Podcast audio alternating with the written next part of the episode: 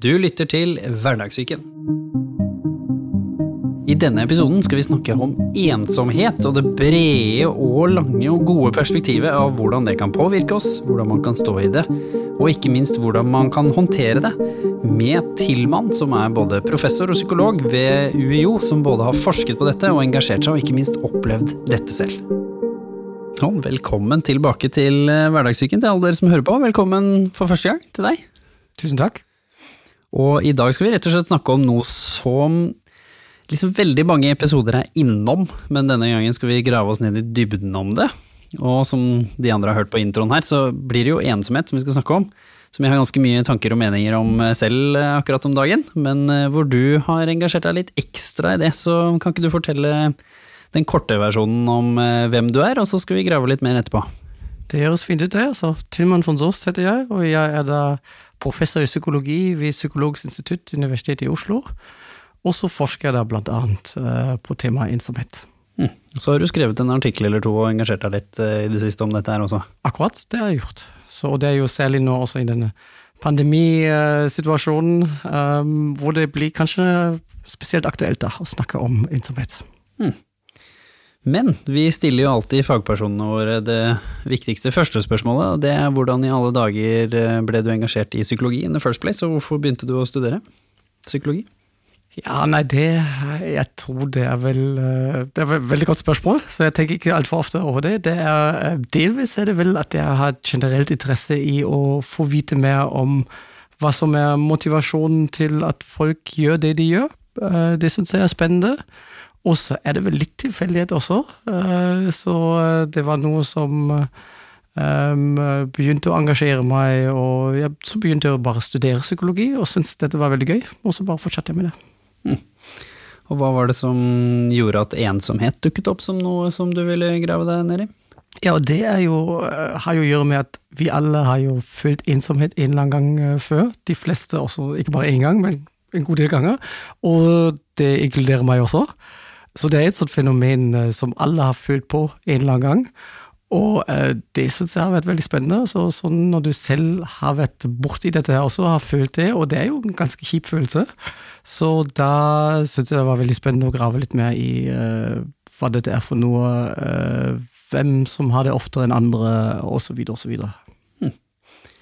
Og før vi på en måte graver litt i både mine egne erfaringer, og for så vidt dine også, så hvis du skulle liksom fortelle til de som hører på, hva, hva er ensomhet? For det er nok mange som tenker at de kanskje vet det, men så ble de litt usikre nå. Liksom, hva er din definisjon på ensomhet, og eventuelt hvis det finnes noen variasjoner? Ja, og det er jo eh, kanskje ikke bare min definisjon, men mange som definerer det på den måten som jeg kommer til å gjøre nå. Og det er da at eh, det er først og fremst en subjektiv følelse, altså det er noe som jeg opplever, og ikke som noen andre kan fortelle meg at jeg er. Og det handler om at jeg har fått, eller at jeg får mindre sosial kontakt, mindre eh, sosiale relasjoner enn jeg gjerne ønsker meg. Det er på en måte den korte versjonen eh, av en definisjon. Og fordi det er subjektivt, så handler det ikke om at man da er alene og helt isolert. Det handler om, som du sier, følelsen av å føle seg ensom. Så per definisjon så kan man være ensom i et fullt rom med masse mennesker som kjenner deg. Det er helt riktig. Og du kan jo bare tenke deg, du kan være på en fest, hvor det er mange som har det moro og fint, og så sitter du der og har følelsen at du ikke får kontakt med noen andre. Og da er du sammen med mange, kan være hundrevis av folk, og likevel føler deg veldig ensom. Og så er det jo det motsatte også. Det er jo folk som eh, drar på hytta, sitter der i en hel måned uten å snakke med en eneste person, og som syns det er helt greit å ikke føle seg ensom i det hele tatt. Eh, men så må man også si at det å være alene og det å være ensom, altså det henger jo litt sammen. Altså det er jo ofte sånn at folk faktisk er alene når de føler seg ensomme. Men det som jeg akkurat nå fortalte, er ikke alltid sånn som det er. Mm. Han forsto meg, å slippe folk ordentlig inn. Følelser inneholder egentlig flere komponenter. Vi har det jo best når vi klarer å fungere godt sammen med andre mennesker. Dette er Hverdagssyken, podkasten hvor vi sammen med fageksperter og mennesker med levd erfaring tar for oss de tabubelagte temaene og psykisk helse i hverdagen. Kan du fortelle, på en måte, hvis du husker det, da, hva var den første gangen du personlig følte på det som du nå ser på som litt sånn tung ensomhet. Da vi alle følt på ensomhet i, et minutt her og der og litt sånn barn og sånn, men den første gangen du reflekterte selv over det som en, en utfordring, altså som et problem, og så kan jeg dele etterpå et par-tre refleksjoner jeg har hatt både i det siste og tidligere i livet. Jeg vet ikke om jeg helt klarer den første her, men jeg kan i hvert fall fortelle om én. Og det var jo da jeg kom fra Tyskland, da jeg er opprinnelig tysk, til Norge. Uh, og så bodde jeg først litt uh, her, og så begynte jeg å studere i Norge. Og jeg husker dette her med uh, da jeg kom, Og da kom jeg til Oslo, helt aleine, mer eller mindre. disse første forelesningene hvor det satt 400 stykker i, der på auditoriet, i auditoriet, og jeg kjente ikke en eneste av dem. Det, det, var en ganske tøff tid, og da følte jeg meg ensom, og det tok, det tok flere måneder før jeg følte før jeg fikk noen, noen personer, noen uh, studiekamerater uh, som jeg ble litt bedre kjent med, før denne følelsen på en måte avtok en god del. Der, på en måte. Og det, var noen husk, huskesituasjoner der. Det var også sånn pizzakveld som fagutvalget arrangerte. Og så, så møter du opp der helt alene, mange som bare står rundt, inkludert meg. Da føler du deg ikke så veldig, veldig bra, og det er jo tøft da, som ny student med masse nye inntrykk, å ta kontakt med de andre og prøve å, å bli sosial da. Og da følte jeg meg ganske ensom, det må jeg si. Ja, kan du beskrive den følelsen, den følelsen fra du står der i pizza eventet, som du sier. For det, en ting er jo i, måte, i klasserommet, for der er det jo ikke så naturlig å begynne å skravle med folk, Nei. sånn at du ikke gjør det for time. Mens her er det jo en sosial event som i tillegg sikkert er jo satt i stand for at man kan snakke med folk, men det betyr ikke at det er lett å bare begynne å ta kontakt med masse mennesker. Så kan du beskrive den ensomheten, og kanskje litt hva som foregikk inni hodet ditt som gjorde det litt utfordrende å plutselig bare begynne å snakke med folk? Ja, altså først, eh, og det tror jeg mange som føler, altså det føles jo eh, det er ikke bare hvilken som helst følelse. For meg føles det som en slags uh, psykisk smerte, hvis du skjønner hva jeg mener. Altså, det føles virkelig sånn um, altså, det, det, hadde vært enklere uh, å føle den, den fysiske smerten, og ikke en sånn type psykisk smerte, smerte nesten. Og det gjør jo også at du at jeg får følelsen Altså man får jo, kan få noen sånne negative følelser rundt hvem du egentlig er. Og uh, det er jo også hvordan ofte da? Har du noen eksempler på liksom, hvordan nei, det skjedde med deg? Altså, nå er det alle andre her som ser ut som om klarer denne situasjonen her på en veldig fin måte, men uh, jeg klarer det ikke. Er jeg egentlig verdt noe? Um, uh, hvorfor er det bare meg her som ikke har denne evnen her til å, til å interagere sosialt med de andre? Um, hvorfor er det bare meg her som ikke har noen venner, eller ikke har noen å snakke med akkurat her? Så det er jo sånne type tanker som kommer. Og, um, og da kan man føle seg nedfor. Så man kan bare føle at dette er en skikkelig kjip situasjon, og jeg uh, Det er min, nesten min skyld her, at jeg er i den situasjonen, for å si det sånn, og at jeg ikke uh, takler dette bedre. Og det som jeg jo syns uh, er litt sånn spennende i anførselstegn med dette, er jo at det er godt mulig at det mange, var mange der i dette rommet som følte akkurat sånn som meg, men du ser jo ikke på dem. Det står ikke noe stempel på dem her at de føler seg ensomme, eller at de føler seg deprimert, eller hva det også skulle vært. Eh, så utenfra virker det jo kanskje sånn som alle de andre håndterer dette Det ganske bra, og det er bare meg. Ja, altså, jeg kjenner jo bare mine egne følelser ikke, og tanker. Og ikke de følelsene og tankene til alle de andre som står rundt der. Eh, og da er det jo klart at det kan bli enda mer slik at du føler her er det, her er det bare meg som, som, som står alene rundt, for å si det sånn.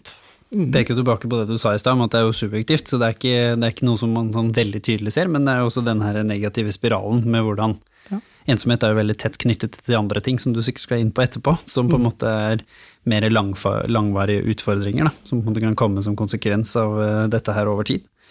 Men også den derre fascinerende følelsen hvor vår egen hjerne og våre egne følelser er jo subjektiv, først og fremst. Og når man da føler seg ensom, så blir det kanskje veldig subjektivt, på en måte. Hvor det er ikke, som du sier, det kan hende at eh, du sto i det hjørnet, og så står det egentlig tre stykker rett ved siden av deg i de samme hjørnene, men man legger ikke merke til de, fordi det føles det, ut som deg selv. Det er, jo, det er, jo, akkurat sånn som det kan være. Og så er det jo litt forskjeller også. Noen folk takler dette bedre enn andre. Jeg er jo sånn generelt en litt sånn introvert uh, person. Og da er det, er det, For meg er det vanskeligere da enn for andre og bare gripe tak i den første som står ved siden av deg og sier hei, uh, uh, ja, og begynner bare å snakke da, om et eller annet. Men samtidig er det jo sånn at altså Det var jo dette her med følelser og tanker, men det er jo også en sånn motivasjonell eh, faktor med det inne. Altså, vi har jo denne altså Det at vi i det hele tatt opplever noe sånt som ensomhet, det skal jo også hjelpe oss med å identifisere situasjoner hvor vi faktisk er i fare for å være litt sosialt isolert. Og så er det jo slik at du da også eh, får ganske sterkt sånn indre press på at du skal gjøre noe med den situasjonen, fordi det er jo en slags smerte som du føler, på en måte. Så jeg husker jo denne gang eh, var det jo da at jeg faktisk, noe som jeg ikke gjør så ofte, bare sånn eh, begynte å ta kontakt med de som står ved siden av meg, og begynte å snakke med dem. Og det var jo, det førte jo til at det ble en kollokviegruppe ut av det, og, uh, og så videre. Um, så det førte jo faktisk til at den situasjonen som gradvis ble bedre, og at jeg ikke følte meg så ensom lenger. Mm. Kan fortelle litt om introvert ekstra Altså det er ganske mange i det dagens samfunn, vil jeg tørre å påstå, som kanskje definerer dagens verden som litt sånn ekstra ekstrovert, og hvor kanskje ekstroverte blir litt anerkjent. Kanskje mer på skolen så er det mer fokus på prestasjoner, det er mer fokus på det å ta sjanser. Vi snakket om du er på Mesh, startup-hub, entreprenør, pushe, selge seg selv. Altså Norge som samfunn, Tyskland også for så vidt, eh, som var litt likt som Norge før, hvor det kanskje ikke var like ekstrovert stemning eh, i gamle dager, mens nå har vi fått litt mer USA og mer det inn i vår verden. Hvordan tror du, eller for deg da, personlig, hvordan har dette vært med å kanskje øke situasjoner hvor man føler seg litt ensom, fordi motstykket så, blir bare mer og mer ekstremt. De personene som bare renner inn i et bygg og snakker med 50 stykker før de har kommet inn, pluss at på skolen så presenterer de altså Med en gang man stikker seg ut som en ekstrovert, så øker jo sannsynligheten også for at man får interaksjon med andre mennesker. Så hvordan har du følt litt på at verden kanskje har ja, som jeg sier, gjort eh, det litt mer utfordrende for kanskje mange som føler seg som introvert? Da? Ja, men Jeg er helt enig med deg. Altså, vi lever i en verden hvor det ekstroverte altså, er noe som verdsettes uh, mye. Uh, og, um, og det, det, er jo Eh, og som du sier, også på skolen, på jobb, altså mye går ut på at du faktisk skal framstille deg selv i et positivt lys, skal snakke mye, skal Alt skal være så stort og, eh, og slike typer ting. Uh, og det Ikke minst sosiale medier? Sosiale medier, og det, sosiale medier det er det jo også det at uh, vi, vi å se at uh, Man skal jo framstille seg Eh, det er også, altså Man skal på en måte ha Også i forskning, vi snakker om impact. altså Alt skal uh, på en eller annen måte ikke bare gjøres, men vi skal presentere det på de fineste powerpoint-mulige måter. Og uh, jeg tenker kanskje noen ganger vi har kommet litt for langt i den uh, retning. Og um, mange de Jeg tror det er i dag også mange introverte som oppfører seg ekstrovert, bare fordi det, det hjelper dem. Eh, men det er mer slitsomt for dem. Altså, det koster mer energi for en introvert. Eh, og det er kanskje noen typer eh, egenskaper som det faktisk å sitte fokusert og stille og jobbe med noe over lang tid, hvor du faktisk ikke skal bli forstyrra, som, som vi ikke verdsetter i like stor grad som vi faktisk skulle, kanskje i dag. Og da kan det også lett føre til at uh, altså introverte de har kanskje også en de har mindre behov for uh, hva skal man si, et stort sosialt nettverk. Men det kunne nesten ført, uh, dagens samfunn kan nesten føre til at de likevel føler seg ensomme, selv om de ikke har det behovet, fordi de ikke ser at eller de kanskje ikke har de hundrevis av venner på Facebook og followers på andre sosiale medier. Eh, så jeg tenker vi tenke, skal tenke oss litt om her. Og tenke at noen ganger um, er det kanskje noen, uh, noen litt mer introverte um, verdier og egenskaper som vi ikke verdsetter nok i dagens samfunn. Altså. Ja. For du trekker liksom tilbake hele tiden med at det er subjektivt. Så du sier da, liksom, når jeg vokste opp på bygda, for bygda er lite, så det, er liksom, det begrenser seg jo litt hvor stort det kan være. Og så jo mer ute i verden og Oslo og byer og man kommer, jo mer liksom ser du det store da. Så når man da på sosiale medier og som du sier, kanskje egentlig, hvis man hadde vært flinkere til å dele sånn type kunnskap på skolen, det gjør man jo heller ikke, man lærer ikke om introvert og ekstrovert på skolen, så kunne man jo kanskje slått seg til ro med at jeg er den type personlighet, som du sier, som blir ekstra sliten av masse dette, men jeg også setter mer pris på å ha tre kjempegode venner enn å ha 30 medium pluss-venner som jeg fester med, på en måte, eller kjenner på skolen. Så det er jo også Begge to er like mye verdt, mens i dagens samfunn så har man liksom kastet opp kanskje at du er suksessfull hvis du lener deg mot det som passer den ekstroverte profilen, da, hvis vi skal kalle det, som, som, gjerne liker å ha masse bekjente og venner, og kanskje ikke setter like Nå stereotyper vi, men det er litt av poenget. Som ikke da setter like mye pris på å ha fire kjernevenner, på en måte. Så jeg er jo helt enig med deg at den introverte da, som kanskje egentlig hvis de hadde hatt innsikt og kunnskapen og roen til det, og også ble speilet fra samfunnet, kunne følt seg veldig fornøyd. Jeg har tre kjempegode venner. Jeg liker å være alene, setter pris på enetid. Jeg har det bra. Ergo føler meg ikke ensom. Men jeg har bare tre venner. Jeg liker å være aleine, men kan ikke være så mye aleine. Så objektiv sannhet er den samme, men på grunn av det samfunnet speiler mot deg hele tiden, så kan du bli tvunget til å føle på ensomhet, sant? Det er sånn subjektivt det kan fungere, og i, du kan få det samme symptomtrykket, som er forskjellig, med helt objektiv lik situasjon. Mm, ja, og jeg er også helt enig med deg i at eh, altså, det som vi ser jo at det er nære vennskap som, som, er det mest viktige for psykisk helse og også for, um, for ensomhetsfølelsen. Altså om du har, og, og la det bare være én virkelig god venn som du kan stole på, og som du kan uh, gå til når du har det vanskelig, uh, det gjør en veldig stor forskjell. Uh, og det tror jeg er viktig å huske, at ikke alle trenger, som du sier, hundrevis av eller titallsvis av venner, eller som de kan kalle for venner. Mm. Men det mest viktige, tror jeg, og som man skal fokusere en god del på, er at du pleier de vennskapene som faktisk er nærme, Eh, og hvor det er folk som vil deg vel, eh, og som ønsker å støtte deg eh, i den personen som du er, og som ikke bare er sammen med deg fordi du, er, du framstår som en, en, eller annen, på en eller annen måte. Vi skal snakke mer om løsningene til slutt her, også når vi kommer så langt. Men mm -hmm. før jeg begynner å dele masse, masse refleksjoner rundt dette her, som jeg har opplevd selv i det siste, um, kan du dele litt fra forskningssiden, hvis vi graver litt dypere nå i definisjonen av ensomhet her nå? Hvis du på en måte skal ta, Nå ga du oss den korte definisjonen i stad. Hva er på en måte neste nivå, hakket mer kompleks eh, definisjon og innsikt fra forskningen din innenfor ensomhet? Hvis vi forholder oss til utfordringen først, og så skal vi inn i, i de løsningene og, og, tingene du har sett uh, mot slutten. Mm. Ja, og da er det jo sånn at man også deler inn i litt forskjellig type ensomhet. Og den ene er jo akkurat knytta til det å ha eh, nære venner. altså Det er kanskje det som de fleste tenker på, eh, som er mest relatert til ensomhet. Altså at du føler at du har de tette kontaktene, altså de eh, som virkelig kan hjelpe deg i situasjoner eh, hvor det blir vanskelig. De som du virkelig kan stole på. Eh, så det er denne, som, eh, den type ensomhet som også blir fokusert mest på.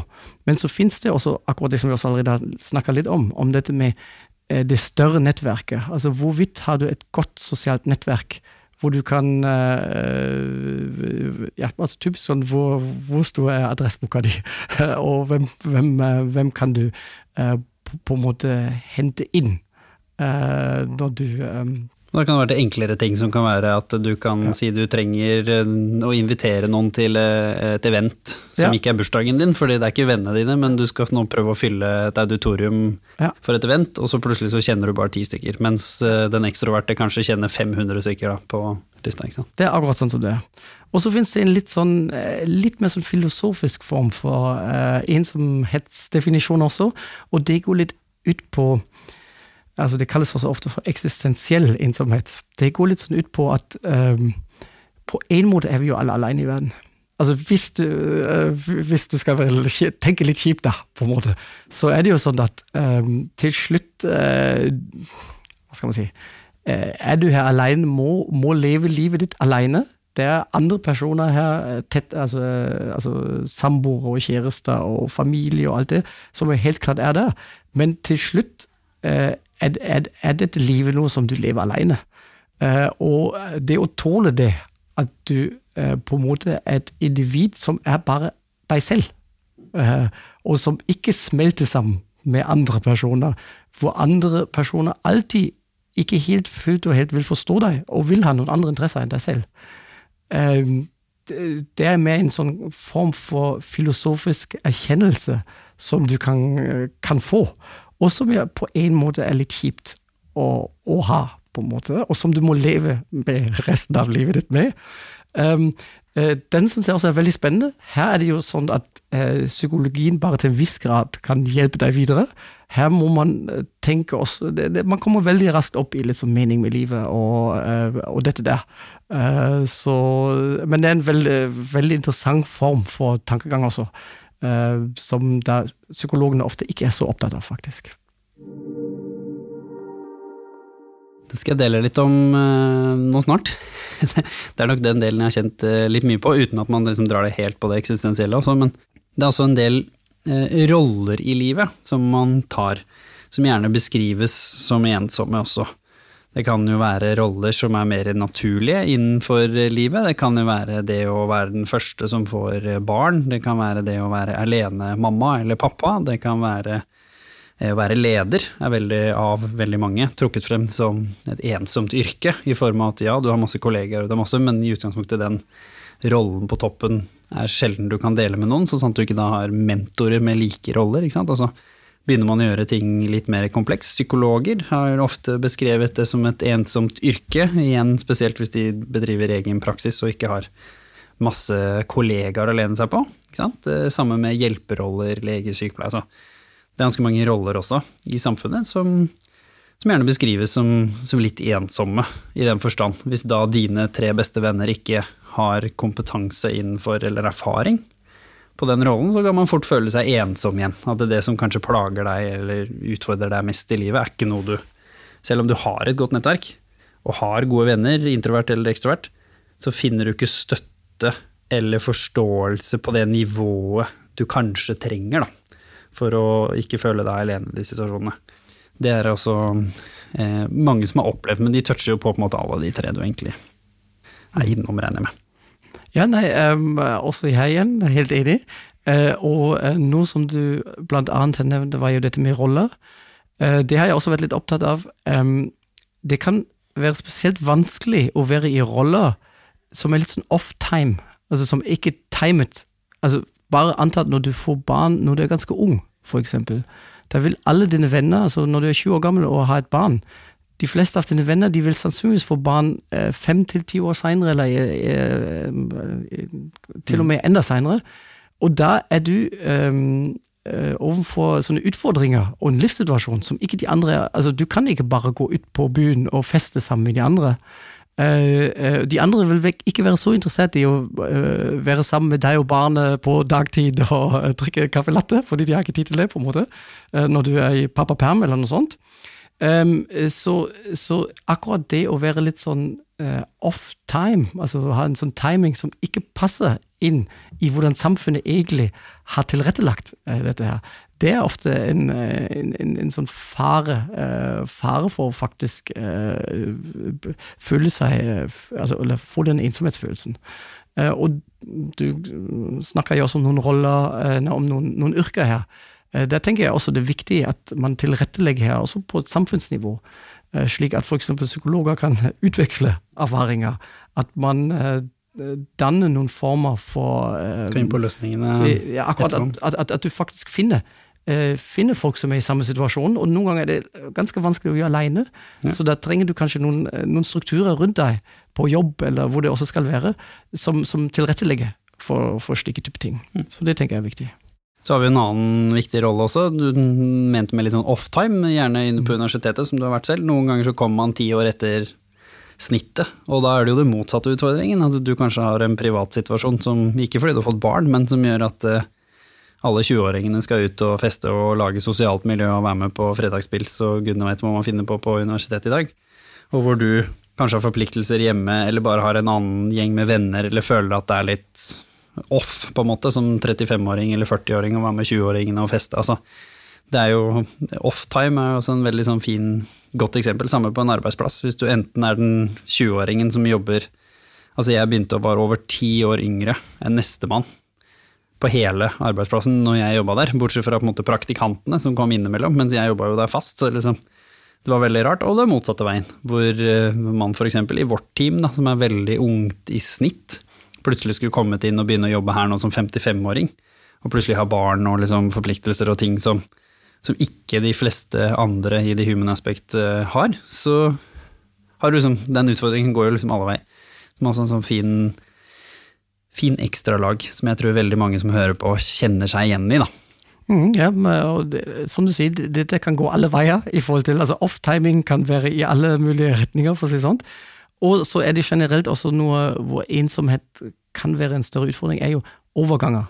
Altså akkurat det å begynne i ny jobb, f.eks. Komme til et nytt land, som du var inne på, med, som student. Flyktninger som også kommer fra å være ensomme mindreårige, eller ensom forelder, eller Akkurat det. Eh, det. Det er en skilsmisse, for når vi snakker om ensomme foreldre, um, eller uh, altså um, det, Også det å Det å begynne å studere. altså Det er mange sånn Det å gå, gå av med pensjon. Inn i fengsel, ut av fengsel? Ja, og, det, og det, må, noen ganger kan det til og med være type overganger som man kan anse som positive sånn i samfunnet, men som for deg selv kan være litt vanskelig, altså. Eh, det å få barn. Eh, plutselig er, er mye av den sosiale omgangskrets forandret, eh, den sosiale situasjonen forandret. Og det er jo kanskje en veldig fin ting å få barn. Du kan nesten få litt dårlig samvittighet for det at du kanskje ikke takler denne overgangen så godt som man skulle forvente.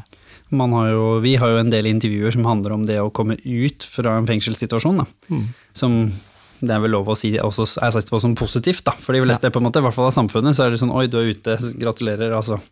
Nå skal du inn i samfunnet igjen. Der er det jo også veldig mange som har dårlig samvittighet for at de går nesten og ønsker seg tilbake igjen. Ja. Ikke nødvendigvis fordi de ønsker seg tilbake sånn rent objektivt sett, men fordi inne så hadde de rutiner, de hadde folk å snakke med, de hadde fagpersoner altså det, liksom, det er jo et system, og så blir du kasta ut i ingenting som er forventet å være positivt pensjonisttilværelse. Altså en tilværelse veldig, veldig, veldig mange av oss skal oppleve en eller annen gang. Hvor det for veldig mange er sånn nå, nå skal jeg bare ta ferie og endelig gjøre alt det jeg har fortjent hele livet, og så går det to uker, og så er du überensom og savner kolleger og venner og Fordi man tilbringer jo mesteparten av sin våkne tid på jobb. Så selv om de fleste av oss har venner utenfor arbeidsplassen, så er det jo veldig mange av oss som også har ganske stor del av vårt sosiale nettverk. Anerkjennelse og bekreftelse på hvem vi er på jobb. Så jeg kjenner jo veldig mange vi har snakket med og intervjuet i pensjonisttilværelse som også har syntes ensomhet er det første ordet de trekker opp av hatten, på en måte, hvis de skal beskrive det som er vanskelig med det. Nei, jeg er helt, helt enig i dette.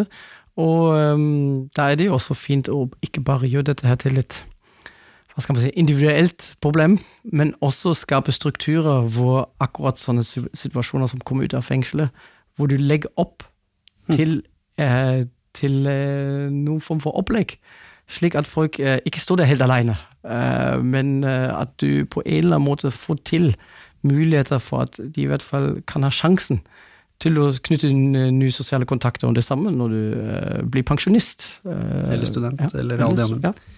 Du som kommer fra, mm, fra en, altså, et annet land, nå er det veldig mange forskjellige kulturer i Tyskland, akkurat som det er veldig mange forskjellige kulturer i Norge. så jeg kommer fra bygda, og som jeg sa, der var det, i hvert fall når jeg var yngre, så var det en kultur som er ganske langt unna den samfunnskulturen vi har nå.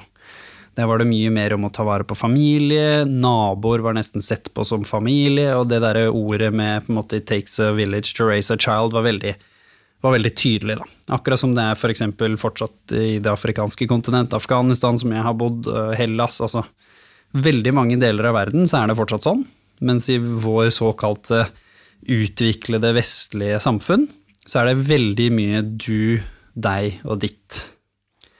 Hva, hvis vi skal ta det, liksom det store samfunnsperspektivet før jeg går inn i mine eksempler, hva tror du den samfunnsutviklingen har gjort med følt ensomhet?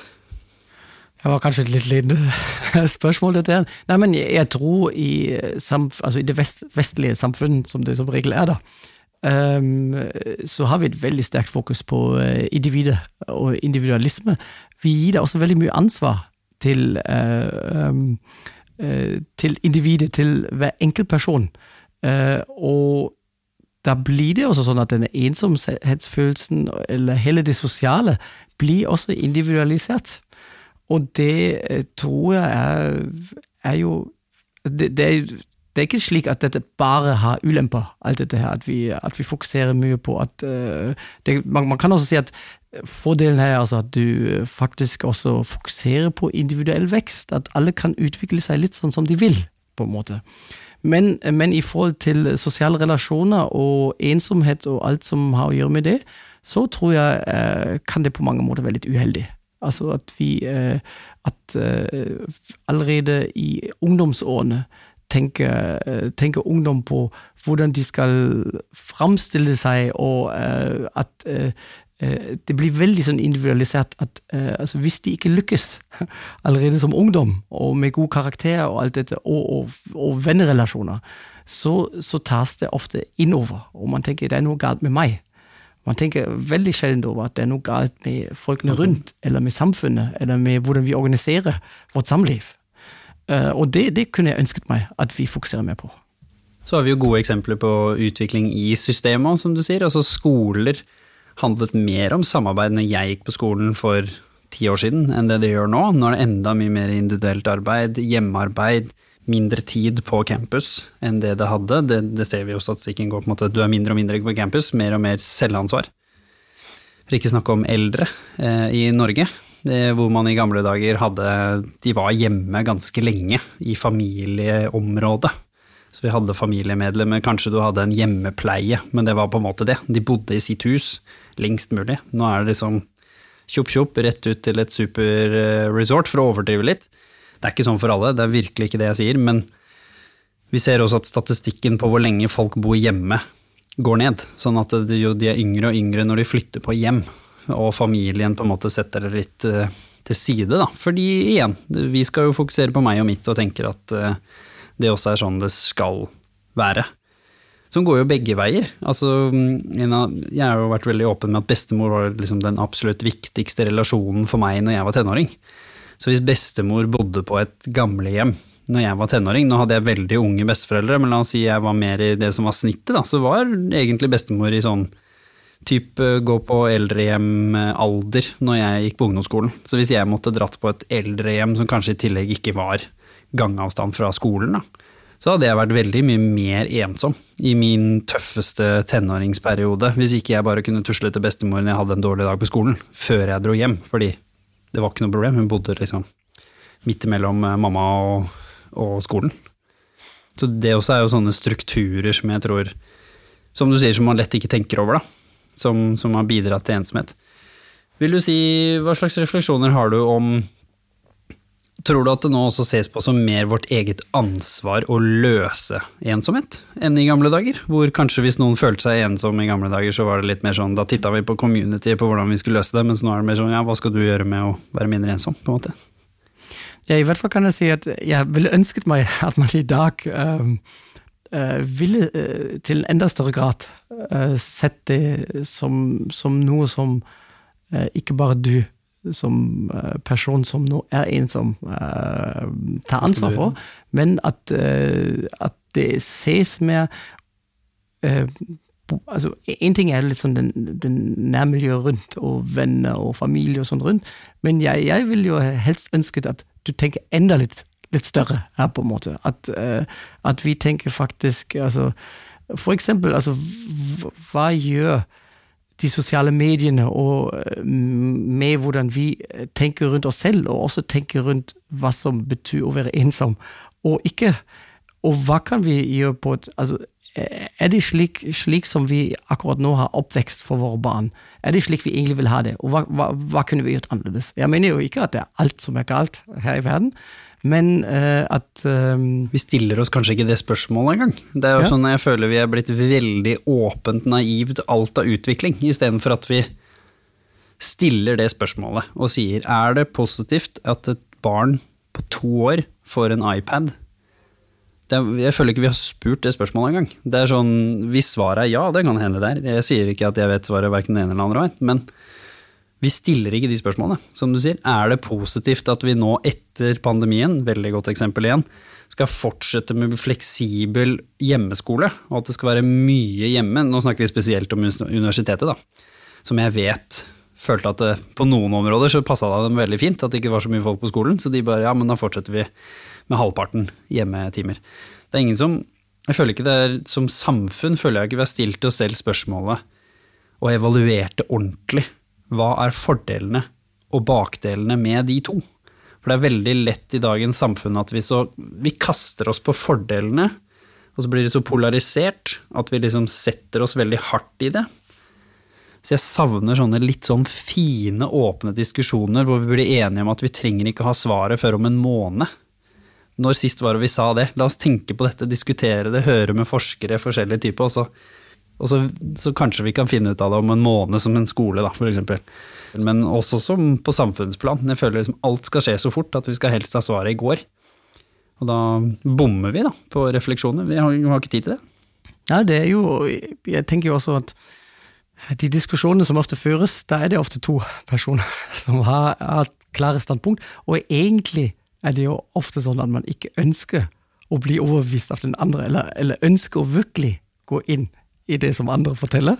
Um, så eh, jeg er helt enig. altså Det å ha diskusjoner hvor du gir deg litt tid, hvor man også er villig til å eh, se ja, kanskje det som vi Sånn som vi har organisert vårt samfunn.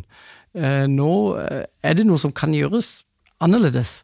Uh, og da kanskje ikke komme med bare sånne løsninger som at ja, nå har ungdom det på skolen, de har fått mer psykiske helseplager, så la oss Eh, ha La oss hjelpe dem med å takle det presset bedre. Men altså, da, skyver det på en måte dette igjen litt på, eh, på de ungdommene, på individet.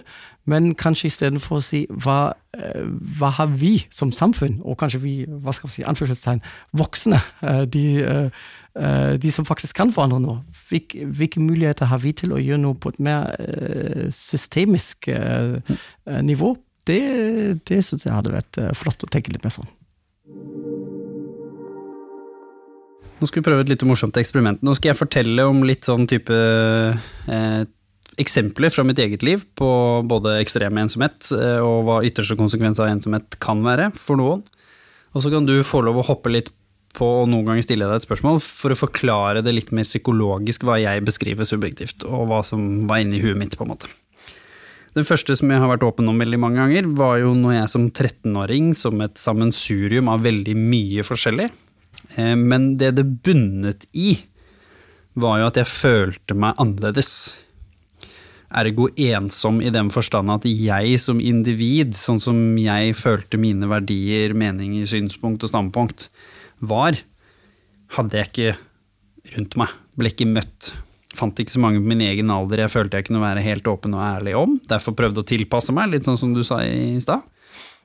Følte kanskje at i familien, av forskjellige typer grunner, kanskje at jeg egentlig hadde det der, men at familiesituasjonen gjorde at disse menneskene var utilgjengelige for meg. Det er også situasjonsbestemt, som vi var inne på i stad.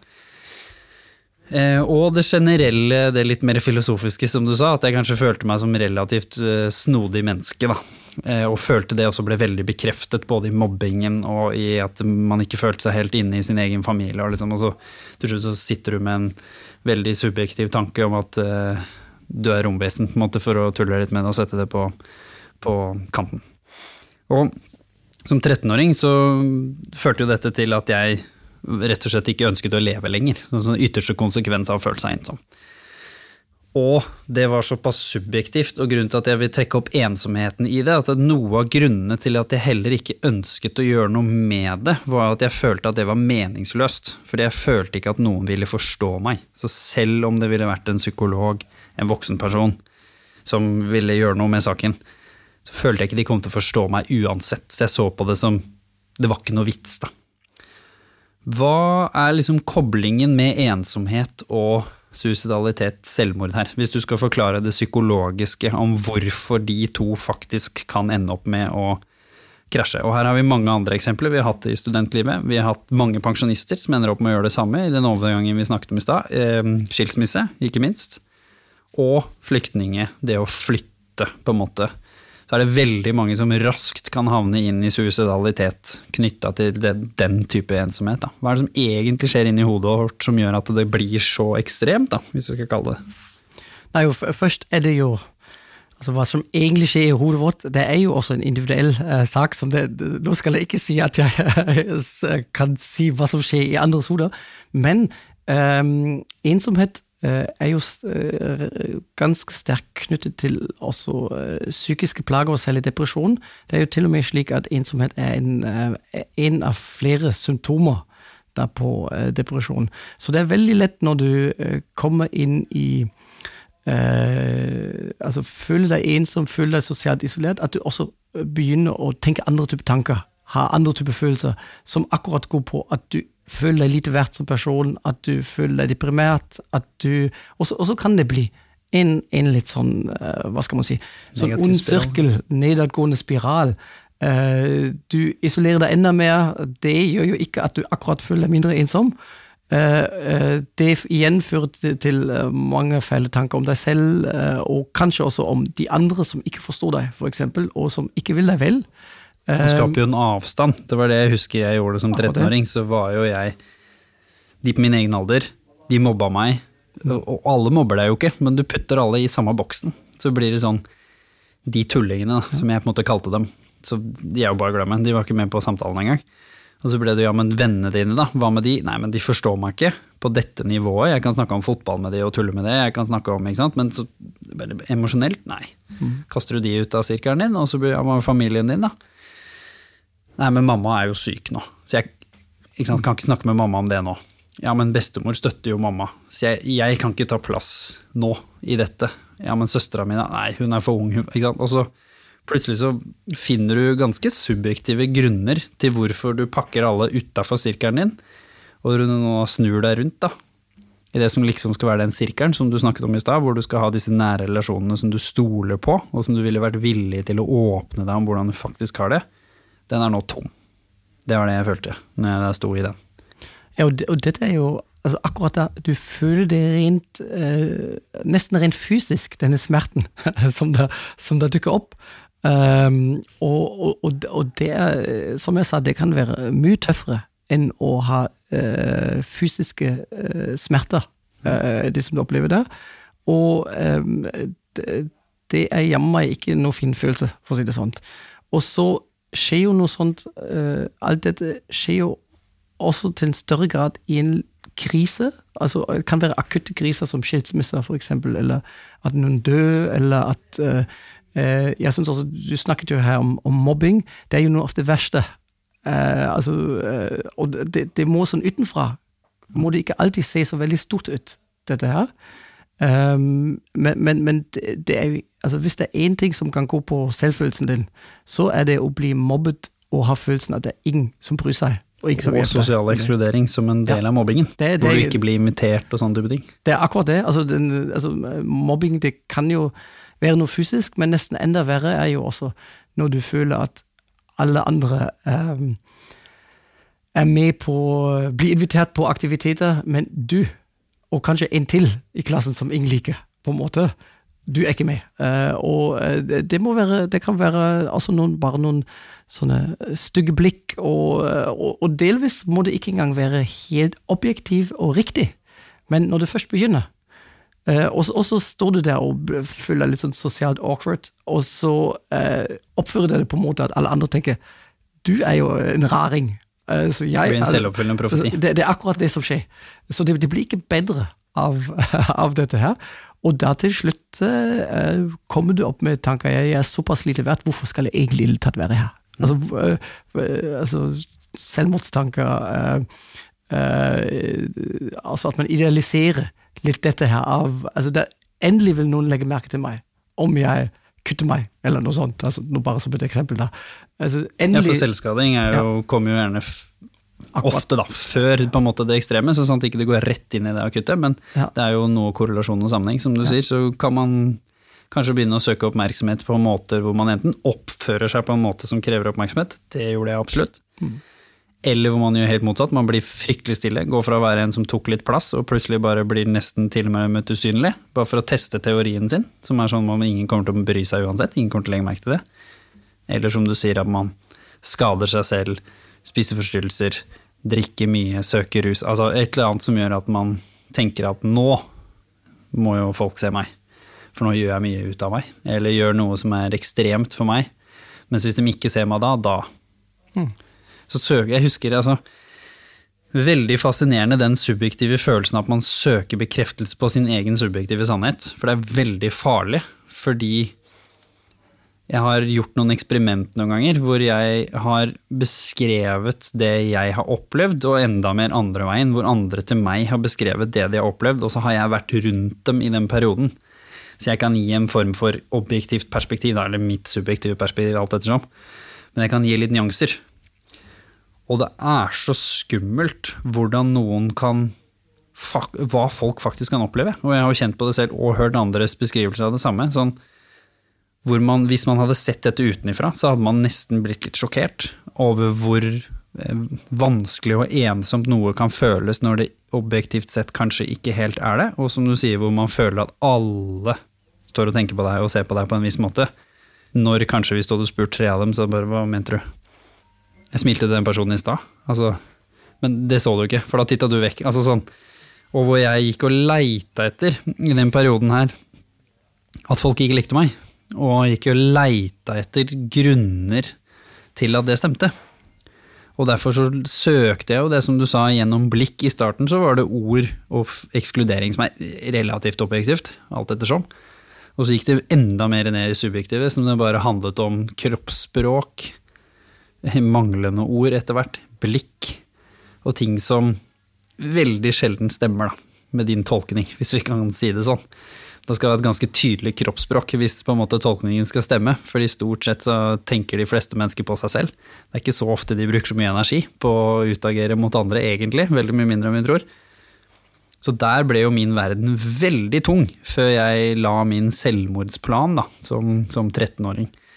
Og det var ganske graverende nedadgående kurve der en stund, i noen uker og måneder, før det på en måte butta i, i det som til slutt ble planen. Da.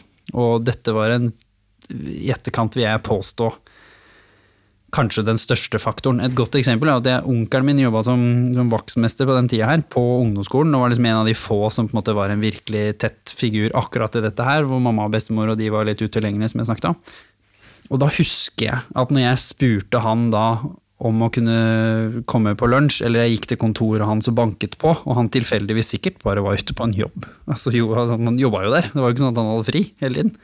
Så hvis han ikke var der da, da var ikke min tanke at han er sikkert ute på en jobb. Da var jo min tanke at nå er han sikkert lei av å høre på. Jeg sa jo nesten ingenting, ingenting, men da følte jeg at nei, nå orker ikke han meg mer, på en måte. Og så var det sannheten min istedenfor det som antagelig var sant. Nei, det, det, jeg tror det, du beskriver det, det er veldig godt, hvordan man kan tenke. Og eh, det som er også litt sånn slående, er eh, Og det mener jeg ikke på en negativ måte, men man tar seg selv jo det er også veldig viktig. på en måte. Er, altså man, alt, alt som andre gjør, blir plutselig en del av uh, Altså, det gjør de mot deg. Det er ikke bare noe som uh, situasjonen krever, eller som bare skjer av tilfeldigheter. Som du sier nå, at onkelen han, var, altså det, det er ikke sånn at han bare var borte av en eller annen jobbrelatert grunn, eller hva som helst. Så det hadde med deg å gjøre.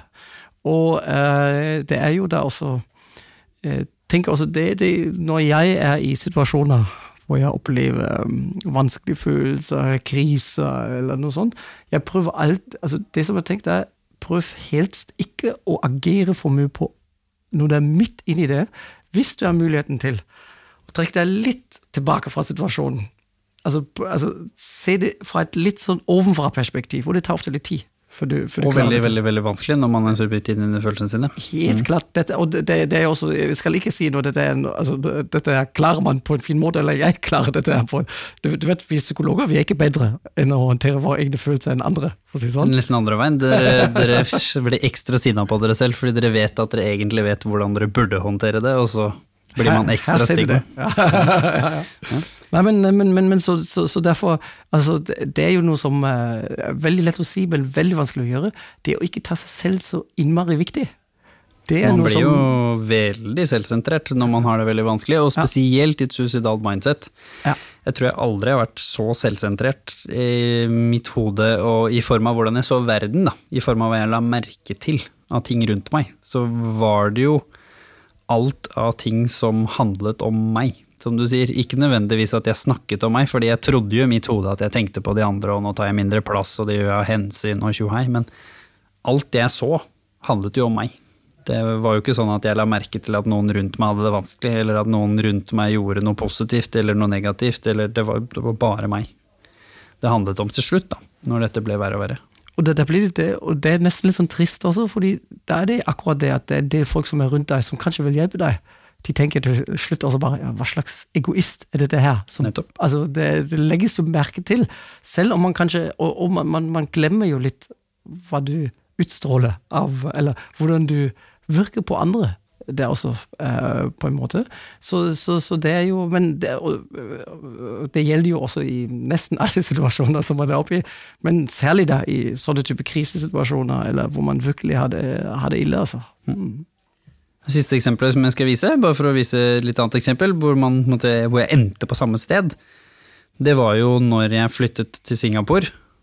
Fysisk ekskluderte meg selv fra min vennekrets og mine, altså min familie. Så derfor så var jeg ekskludert rent fysisk sett. Det var før på en måte Skype og alle disse tingene ble så fancy som det er i dag. Men allikevel noe av det var der. Men med en gang jeg da opplevde ryggskaden og følte meg veldig alene veldig fort, så ble den steget så langt. Og det er så mye lettere å prøve å tenke at nå var det mitt ansvar å ordne opp i ensomheten, enn hvis de hadde vært der, for da hadde de sett det. Det er veldig mye lettere å skjule og late som at alt er bra på en telefon eller på en Skype-samtale, enn hvis du ser kollegene dine hver dag. På et eller annet tidspunkt så kommer de til å legge merke til noe.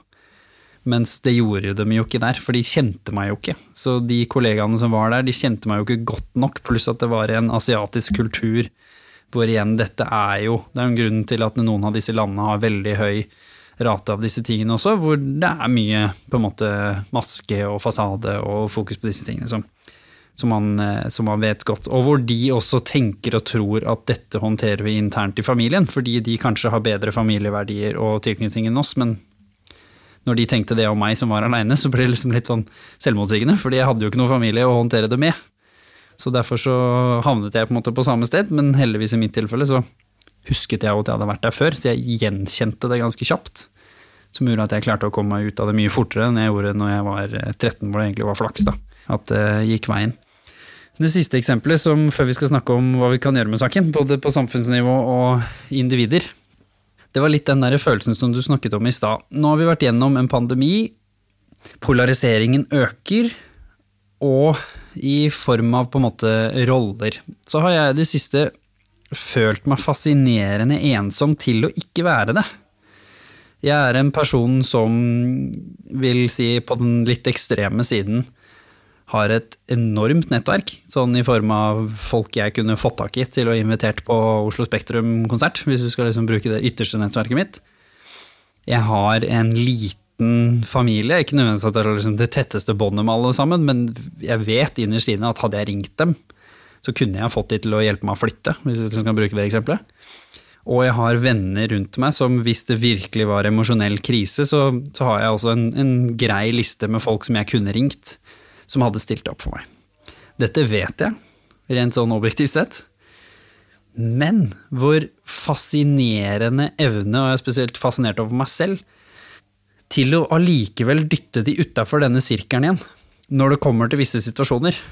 For når jeg da føler at ok, her fikk vi noen situasjoner som ble veldig polaris polariserende igjen, gjennom covid, med hva vi mente om det og ikke mente om det og de tingene, jeg som leder av organisasjonen i The Human Aspect, som entreprenør, selv om jeg jobber med nære venner og folk, så følte jeg på en eller annen tidspunkt Ja, men jeg prøvde å forklare det. Følte ikke jeg ble møtt.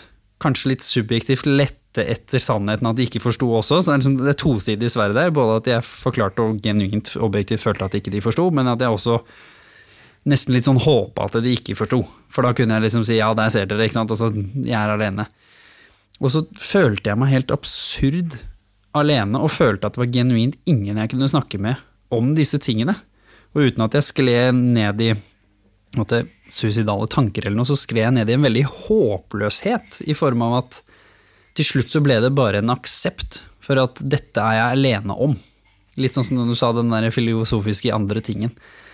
Men når jeg sto i det Én ting er å akseptere det og så gå videre, det kan nødvendigvis være sunt, på en måte, men jeg ble sittende litt fast der.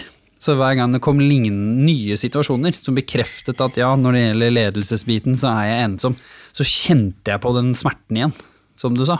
Og da ble det veldig mange sånne eksempler på et eller annet tidspunkt her. Midt oppi denne situasjonen, som selv for meg, som er en av veldig mange andre, også ville bli beskrevet som en veldig emosjonelt eh, ressurssterk person, og med mye kunnskap og innsikt, ble helt sittende fast eh, i en form av at liksom Jeg føler meg dønn ensom og kjente på de samme følelsene som jeg hadde gjort før, da. Og fant ikke helt noen god løsning heller, sånn i det, i det store og det brede. Hvor på en måte Hvor mange tror du liksom hvordan, hvordan, gjør man noe med det, da? Fordi jeg tror det er veldig mange som har følt på det nå, hvor av både pandemien, man har mistet litt kontakt med noen kolleger, så føler man seg veldig ensom selv om man egentlig vet at man ikke er det. Og da fikk jeg enda dårligere samvittighet. Så ble jeg sånn en idiot, liksom vi snakket om i med psykologen. Men du kan jo alle disse tingene. Hva er det du caller med, liksom? Gå ut og endre på situasjonen din. Det ble veldig at jeg mente at jeg hadde ansvar for det, da. Nei, jo, er, først er det jo sånn Én ting er jo alle Altså hva du sånn kognitivt, sånn tankemessig, hva du tenker, på en måte. Da kan jo alt være så flott og fint, på en måte. Men ofte er jo følelseslivet et annet sted, og da, da, er det på en måte ikke noe sånn stor vits i å si nei, alt er jo greit. Altså, de følelsene de er bare ikke sanne. Dette er ikke, det er ikke sånn som det er, fordi det er jo det. Og um, jeg, jeg, tenker jo også uh, Det Altså, én ting som man skal tenke på um, som også noen ganger kanskje føler til at folk føler seg ensomme, de stiller noen ganger ganske høye krav til vennene sine. Altså, du, de, altså, når du ringer, så skal de kunne, på en måte, når, altså, og du har en krise. Og så, helst på mine terms, som vi sa, for ja, ja, jeg er jo litt ekstra egoistisk nå, så hvis ikke de kan møte meg i kveld, ja. så er de jo en dårlig venn. Og hvis de har noen innspill som kanskje ikke går helt i den retning som du hadde ønsket, da, da betyr det at de ikke forstår deg på en måte. Selv, selv om, de, om, det kanskje er, altså når du ser litt mer objektivt på det, kanskje er noe i det. Um, og da blir det veldig lett sånn at ja, det er jo ingen som forstår meg. Um, jeg har jo egentlig ikke noen venner, så jeg tror man må også være litt sånn påpasselig på at man gir litt slekk til uh, sine venner. Altså at de gir dem litt frirom òg. At de kan ikke hoppe og springe hele tiden. Det er heller ikke sånn at det er nødvendig at du må ha én bestevenn og de skal ikke være god, like god venn med noen andre heller. Det tror jeg også noen som ah, som, som, som, som, ønsker seg, på en måte. Og det er ganske ekskluderende, eh, dette her, sånne type tankeganger. fordi da har du ingen andre venner som du er like gode venner med. Så uh, her tenker jeg at vi um, vi må, må, passe på at vi ikke blir eh, for kravstore. At vi, det, det er litt sånn individualistisk det er nesten også, når du blir såpass kravstor. Um, det er den ene ting. Og så er det den andre ting uh, igjen, tenker jeg, at uh, du er ikke den eneste som har et lederansvar, og som har følt at dette, vært, uh, dette er kjipt, og at du faktisk ikke kan snakke med så veldig mange andre folk i den situasjonen når det er noen konflikter på jobben, eller hva det enn skulle vært. Um, så det er mange der ute som har det sånn uh, som deg. Og kanskje noen ganger kan man også gå litt aktivt inn for uh, for å faktisk møte disse andre folkene. Danne noen nettverk hvor det er folk som er i samme situasjon. Det, det ja, de skal jo bare finne meg, vet du. Ja, det, de skal, ja, Vennene mine skal bare dukke opp på døra mi, og kollegene mine skal bare forstå. Det er jo ikke jeg som skal gjøre noe her. Tenker man jo når man sitter i den situasjonen, som du sier. Det er jo ikke, det er jo ikke den første tanken man kommer til. At vent litt, kanskje jeg skal starte et nettverk med andre ledere som Kanskje jeg skal finne en mentor som Det er jo ikke det første som kommer til deg. Det er jo mer det at vennene mine burde forstå. De jobber jo på samme sted. Forstår de ikke at eh, min posisjon er, eh, har større ansvar? Hvorfor forstår ikke vennene mine at jeg aldri spør om hjelp? Dette er jo en klassiker. Jeg spør jo aldri om hjelp. Nå spør jeg om hjelp, og så er de opptatt. Ja. Og da, altså, helt, altså det, Dette er en klassisk sånn tankemåte så, som kanskje særlig eh, menn har, for å si det sånn. Eh, og det finnes jo flere andre sånne mønstre som er, i hvert fall i noen sammenhenger, litt sånn dårlige mestringsstrategier som man har. Og det som er jo fint, uh, det, det beste, særlig kanskje for folk som i utgangspunktet ser at de har noen sårbarheter, det er uh, heller enn å jobbe med dette mens krisen står på, at du bygger opp et beredskap allerede litt, litt før uh, du kommer inn i disse krisene. Altså akkurat, for du kan, altså akkurat at du ikke prøver å finne uh, dette nettverket akkurat når det står til som verst, men at du kanskje allerede har jobbet litt med saken på forhånd. Um, Klassisk eksempel som du sier, hvis jeg vet at jeg skal få barn, kanskje jeg søker opp noen sånne grupper fordi jeg vet at om to måneder så er jeg forelder, eller samme pensjonist, samme med som du sa med studentforeningen. Jeg vet ok, nå skal jeg bli student, kanskje jeg skal bruke denne fadderordningen, kanskje jeg skal melde meg inn i et par foreninger fordi jeg tenker at det kan bli vanskelig å få venner. Skal inn i jobbkollegaen, ok, de er ti år yngre enn meg, eller ti år eldre i mitt tilfelle, når jeg begynte å jobbe i Golden Ocean. Kanskje jeg skal være med på noen sosiale ting. Mens jeg endte jo opp i starten med å ikke bli med fordi jeg følte at det var rart. Ikke sant? Fordi de var så mye eldre enn meg, så jeg tenkte nei, da henger jeg heller med vennene mine eller kjæresten min. Men så skjønte jeg ikke hvordan det gikk utover relasjonene mine på jobb. Så fordi jeg venta til det var for seint, og da ble det veldig tungt å liksom, som du sier, lage meg disse positive strategiene da, når jeg var midt i det. Det er jo akkurat det, og det, og det beste er jo at du finner måter å engasjere deg på som faktisk eh, hvor du har interesse. Altså, du ikke, det er ikke sånn at du må begynne her med å, å plutselig bli med på eh, fotballkvelder selv om du hater fotball, eller noe sånt. Eh, men det, altså, når vi tenker på studenter, uh, det finnes jo drøssevis av sære interesser som studenter har, og som danner foreninger rundt det. Og de fleste vil finne noe som de kan engasjere seg i. Og, så er det jo mange andre sammenhenger også. Og det gjør det også i store bedrifter, og det gjør det gjerne i lokalsamfunn også. Så det samme mangfoldet som gjerne mange tenker bare gjelder studenter, det gjelder jo også gjerne store bedriftene, men også gjerne i lokalsamfunnet ditt, hvis du faktisk går og sjekker litt hva som skjer egentlig i området her, i borettslaget, i lokalnæringa. Oi, her er det faktisk en gjeng som samles og ser på skrekkfilmer. Her er det faktisk en gjeng som samler og spiller boccia. Oi, her er det et bedriftslag som spiller håndball eller basket eller liksom andre ting, da. Og så plutselig så finner man Samme med det å være ny forelder så er det plutselig Oi, her er det faktisk fire andre foreldre som jeg aldri har møtt før, som bor i det store borettslaget. Som samles hver søndag og går i Frognerparken med kidsa sine. Altså, hvis man løfter blikket sitt lite grann, så er det fascinerende mye der ute. Som man ikke la merke til når behovet ikke var der. Ja, helt, helt enig. Og så er det jo litt det, og det kan være vanskelig, kjenner jeg fra meg selv. Det er litt sånn man man må tørre litt grann da, i hvert fall. Altså, det, er, det, er, litt kjipt å møte opp første gang på boccia-kveld eller eh, med trillevogn med de andre to, tre, fire uh, fedre. Uh, og, og, så skal man kanskje ikke ha så store forventninger heller. Så man, man, man bare sier at ok, dette, hvis jeg ikke liker dette, så blir jeg ikke med neste gang. Så uh, det er igjen dette med Altså, når du savner venner eller stor sosial kontakt, begynn med det små. Altså, ikke, ikke begynn med å tenke nå må jeg i løpet av tre måneder eller to uker uh, få meg tre nye venner, men uh, begynn med, med, akkurat dette her med se hvor, hvor, hvor kan jeg få uh, litt sånn aktiviteter som kan gjøres sammen med andre, og kanskje det blir noe mer ut av det. Mm. Hvordan skal man jobbe med disse tankene, da? For vi har vært inne på noen ting her. Nummer én, man kanskje blir litt mye fokus på seg selv. Man har en tendens til å dytte folk utafor sirkelen sin selv om de egentlig er inne i den.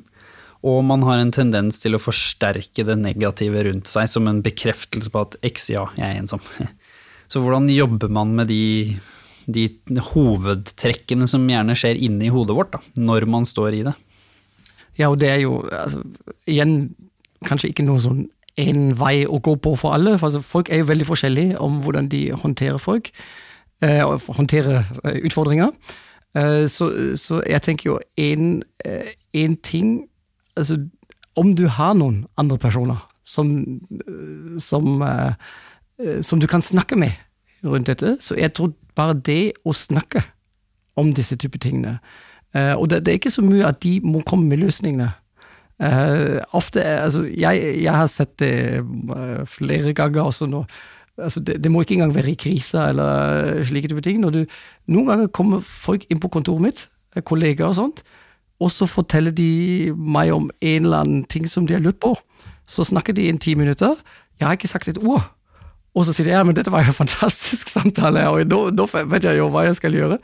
Uh, så ofte er det bare det at du ordlegger deg, og at du faktisk får det ut, som, som gjør og, og, det tenker jeg er det samme når du er det mottakeren av dette.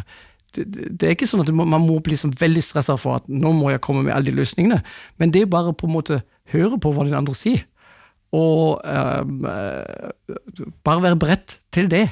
Som allerede vil jo fortelle meg at jeg er ikke helt alene. Bare ved at du lytter og viser at du har tid i dagens stressa, raske samfunn. Bare det å vise meg at du lukker PC-en, flytte litt på kaffekoppen, se på meg og vise med kroppsspråket ditt at Fortell. Jeg skal ikke løpe til et nytt møte, jeg driver ikke og nititter på klokka, jeg liksom Ja. multitasker ikke. Altså, det er ikke så mye som skal til, egentlig, for å vise noen at jeg ser deg, sånn som du sier, da. Og så er det veldig lett å falle i den fella, meg selv inkludert. Spesielt jo mer kunnskap du har, enda lettere å falle i den fella. Og komme med masse forslag og tanker når personen aldri har bedt om det. Den feilen gjør jeg hele tiden. Som du sier, kanskje minne seg selv på, da, spesielt hvis man er sånne som meg, som gjerne kaster ut eh, løsninger fra hofta. Gi dem litt benefit of the doubt og tenke liksom Men du har nok prøvd en del ting allerede. La meg bare lytte. Jeg er helt, helt enig, altså det er i hvert fall det første eh, som man kan gjøre. Så kan man jo, eh, og da tenker jeg det med eh, å gi råd, det, eh, det er noe som man kanskje kan gjøre etter hvert, eh, men noen ganger er det ikke nødvendig. det tatt. Ikke, noen ganger er det ikke det, altså det å fikse ting. Det er ikke, altså vi er veldig, veldig gode på å tenke sånn, nå, nå skal jeg hjelpe deg med å fikse dette her. Og eh, ofte er det ikke, ikke det som folk trenger, eller, eh, eller, eller du kan til og med ikke hjelpe dem med å fikse dette, men bare det at de eh, Du kan hjelpe dem litt med å fikse det selv, for å si det sånn. Og da er det første som du må gjøre, du må lytte på hva de egentlig har å si. Ja, og da, som vi snakket om i stad, noe av det som kanskje har vært vanskeligst i dette her, er å føle seg ikke sett og hørt. Så da går vi tilbake på hva lytting, hva det ordet faktisk innebærer. Og da er det jo litt som jeg sa, prøve å hvert fall sette av tid til å lytte. Og for meg i det siste, det som har dukket litt opp som en litt sånn gjentagende ting, det er at prøv å utfordre deg selv til å ikke anta for mye. Fordi hvis en person gjerne åpner seg litt ekstra for deg, og du putter dem i den boksen hvor du tenker ja, men jeg kjenner deg ganske godt, nå, nå liksom leser jeg veldig mye mellom linjene fordi jeg kjenner deg så godt. Da kan du bomme veldig mye, fordi den personen som åpner seg nå, sånn som når jeg åpna meg for noen liksom i det siste her, så kan det hende at jeg ikke har åpna meg så mye så ofte. Så når det først blir så åpent, så kan det hende at du mistolker litt det jeg sier, istedenfor å stille meg spørsmål som er sånn hva mener du med det? Kan du forklare det litt dypere? Og så viser du meg at du aktivt lytter. Du hørte hva jeg sa. Du føler kanskje ikke du forsto det helt. Gi meg muligheten til å forklare det dypere. Istedenfor at man kommer til slutten, og så hører jeg på måten du svarer eller sender meg forslag, eller at liksom jeg subjektivt føler at du ikke lytta, selv om du gjorde det, objektivt sett. Så det å stille litt ekstra spørsmål underveis, som viser at du er interessert i å forstå, det tenker jeg kan være veldig kraftfullt, da, som en som lytter til folk som kanskje deler at de føler seg ensomme. Da. Nei, men eh, helt, helt inne her også. Så det, det er faktisk eh, Du må bruke litt fokus og litt energi på faktisk lytte til hva folk sier. Eh, så, så ellers hører man bare på. og det, det er en forskjell, faktisk. Og, eh, så, men så tenker jeg også en ting som man må også huske. Altså, Sånne typer samtaler de er viktige og eh, flott om man har eh, folk som, som kan ha de med inn. Man må også passe på at man ikke belaster folk. Altså, Du kan ikke ha en sånn samtale hver eneste uke eh, med, med vennene dine, fordi da blir det til slutt altså, det, blir det for slitsomt. Også, altså, det var igjen dette med hva slags krav du også kan stille, altså hva, hva slags forventninger kan du ha til, til andre folk òg. Så, så, så det tenker jeg også er litt viktig. Det må også være lov for de andre å si altså akkurat i kveld, eh, da har jeg noen andre planer. Denne samtalen kan vi godt gjøre eh, i overmorgen, eller på lørdag, eller eh, når vi møtes på pub i neste uke. Men akkurat nå passer det ikke så godt. Det må også være lov. Og viktig å tørre å si det, for det er veldig mange som tenker at nå, nå er det make it or break it, sier jeg ikke ja nå fordi du, du hører litt på stemmen til personen, eller du vet at de står i noe vanskelig, eller du ser nummeret deres på telefonen, så er det sånn oi, det er dem. Det er bedre å si det, at jeg kan ta det på lørdag, eller eh, vi ringes i morgen og avtaler tid.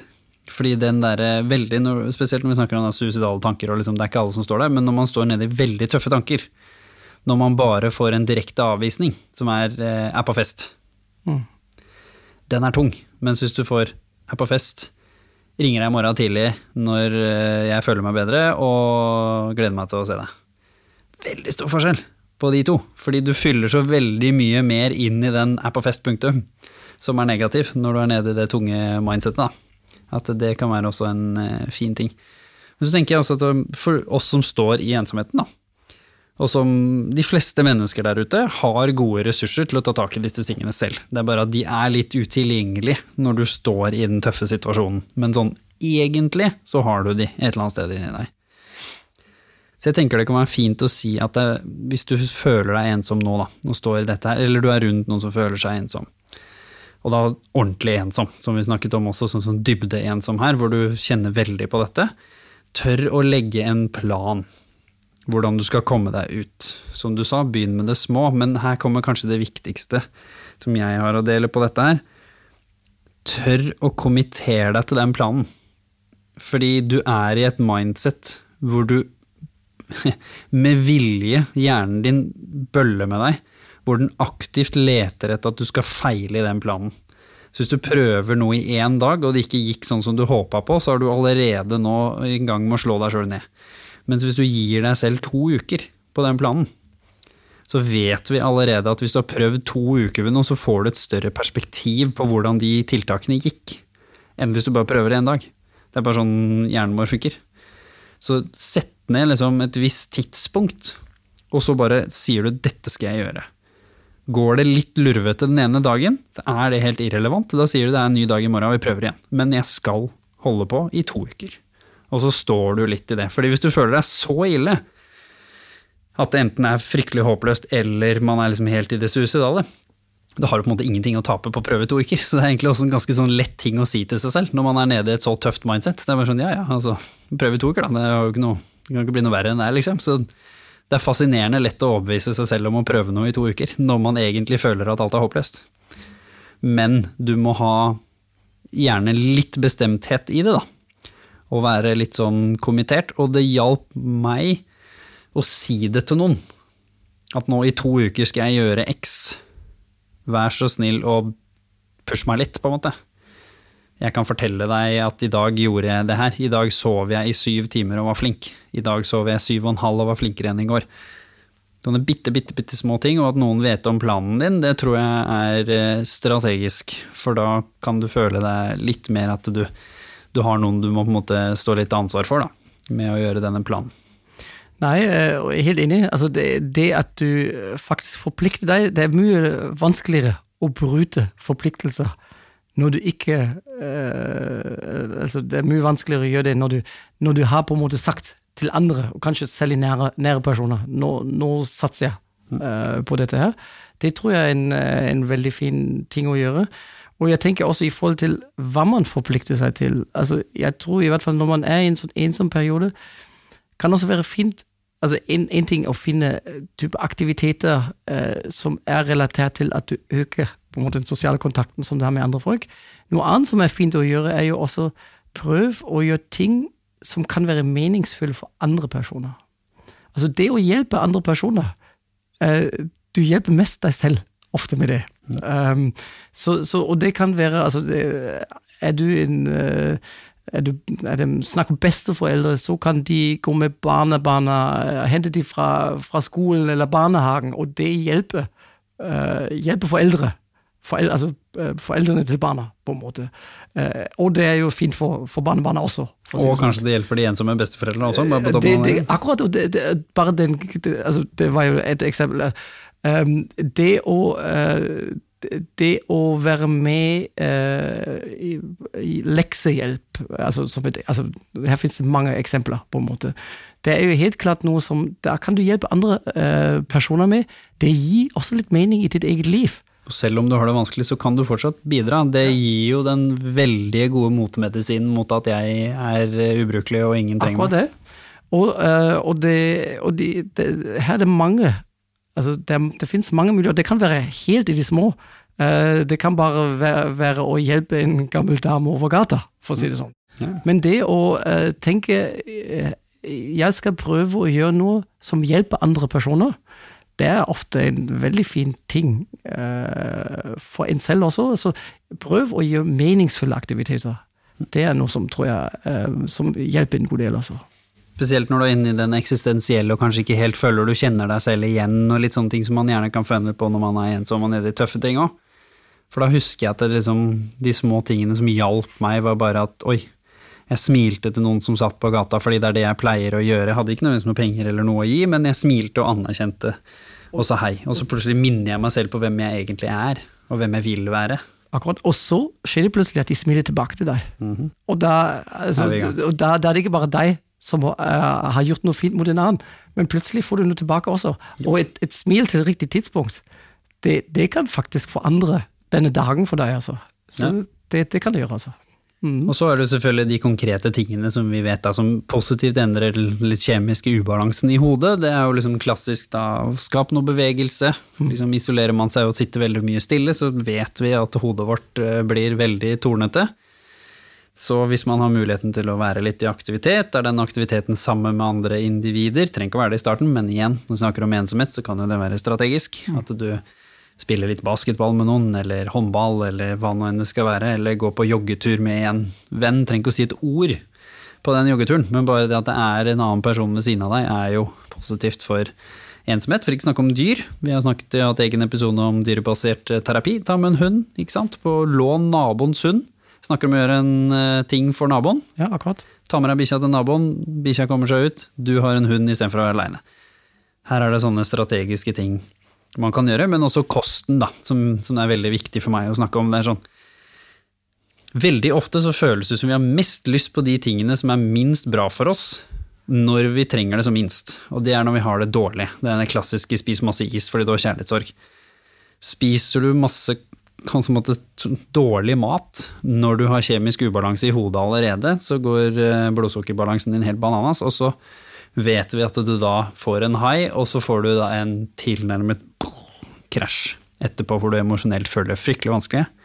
Mens hvis du heller spiser litt ekstra sunt når du har det vanskelig, eller hva for deg da, som er sunt, og kanskje heller koser deg med små ting som gir deg en liten opptur, men ikke sånn at du lever på dårlig mat, så vil jeg påstå at det er lettere å stå i disse vanskelige tingene enn motsatt. Mens når du har det kjempebra, om du spiser is og kake og gudene veit hva du vil da, så har det mindre påvirkning på humøret ditt. Da så kan vi snakke om kroppen og sånn senere, men på selve humøret ditt så har det mindre påvirkning å gjøre de tingene når du har det bra. Så husk det, når du har det ekstra dårlig, det er nå du kanskje skal være litt ekstra flink med hverdagskosten din, da. Og da snakker jeg ikke om de småtingene imellom. Nei, men eh, jeg tenker også, altså, Det er helt klart mosjon, kosthold, og så er det jo kanskje en, en tredje ting som henger sammen med dette. Og det er jo at du prøver å skape noen sånne strukturer i hverdagen. altså Også søvn, for eksempel. Altså Det er veldig lett når du føler ille, at du bare henger der og ser på Netflix hele dagen og hele natten. Og så du føler deg ikke bedre uh, etter dette når du sovner klokka tre om natten. Ja, akkurat det. Um, uh, så, så, så det, og, og det det er vanskelig, og særlig vanskelig i, um, i, uh, i perioder hvor man har det kjipt. Jeg er helt enig, jeg kan ta fra mitt eget liv. Som sagt, veldig selvbevisst og egentlig veldig strukturert, men med en gang dette her begynte å bli skikkelig vanskelig, åh, det var så lett å gå inn på Instagram og surre rundt der, enda jeg egentlig ikke er personen til å gjøre det, og det var veldig lett å se én episode ekstra på den serien som du så på, enn det du egentlig skulle gjøre, og så får du så veldig dårlig samvittighet, og så sitter du inni deg nå og vet at nå la jeg meg en time for seint. Og så har du nesten påført deg selv den kjipe følelsen av det før du har våkna, før du vet om du er sliten engang. så har du allerede nå slått deg sjøl i huet, og kanskje legge på en halvtime, da, fordi du nå ligger og plundrer over det en halvtime istedenfor å ha klart å sovne. Da. Så dette her er kjempevanskelig. Men det er faktisk mulig med litt sånn strenge tiltak, da. Og så får du en liten seier òg. Så plutselig så fikk jeg sånn, ok. I går så var jeg veldig sånn, ok. Kommet hjem fra to uker intervjuer det. Det var sånn, nå skal jeg faktisk legge meg med en gang. Og ikke liksom dobbeltsjekke de tre-fire tingene jeg kan sjekke med fotballen eller med noen venner på Instagram. Jeg bare skrudde den av. Flymodus. Alarm. Natta. Så klarte jeg liksom å gjøre det, og da kjente jeg på en sånn liten sånn seier. Bare sånn yes, jeg vant. Jeg vant over mobilen. Ja, og, og, så, og så er det slik at altså, vi lever nå i et samfunn, i en hverdag, hvor det er så mange fristelser. Altså, vi snakker jo nå om disse fristelsene. Eh, og ikke alle de fristelsene altså, Til en viss grad er de helt greie, på en måte. Eh, men når vi bruker dem for mye Og når vi har dem alle sammen. Ja, ja, så, så kan det så, så, går det ofte Og vi, vi blir faktisk Altså, jeg syns vi krever ganske mye av oss selv i et sånt samfunn, altså, eh, hvor vi har denne overfloden av informasjon, av mat, av eh, eh, alt mulig forskjellig. Og det, det, er igjen en litt sånn individuell sak her, at vi Altså, de som klarer seg best, er de som klarer å håndtere denne overfloden og har denne selvkontrollen, selvbeherskelse. Men det er faktisk Og da må man noen ganger tenke litt så langsiktig og tenke at ok, det beste er kanskje at jeg, jeg vet at jeg gjerne spiser disse to, uh, to plater med sjokolade om kvelden, så det beste er at jeg ikke engang kjøper dem. Uh, uh, at de ikke er der klokka ti om kvelden, på en måte.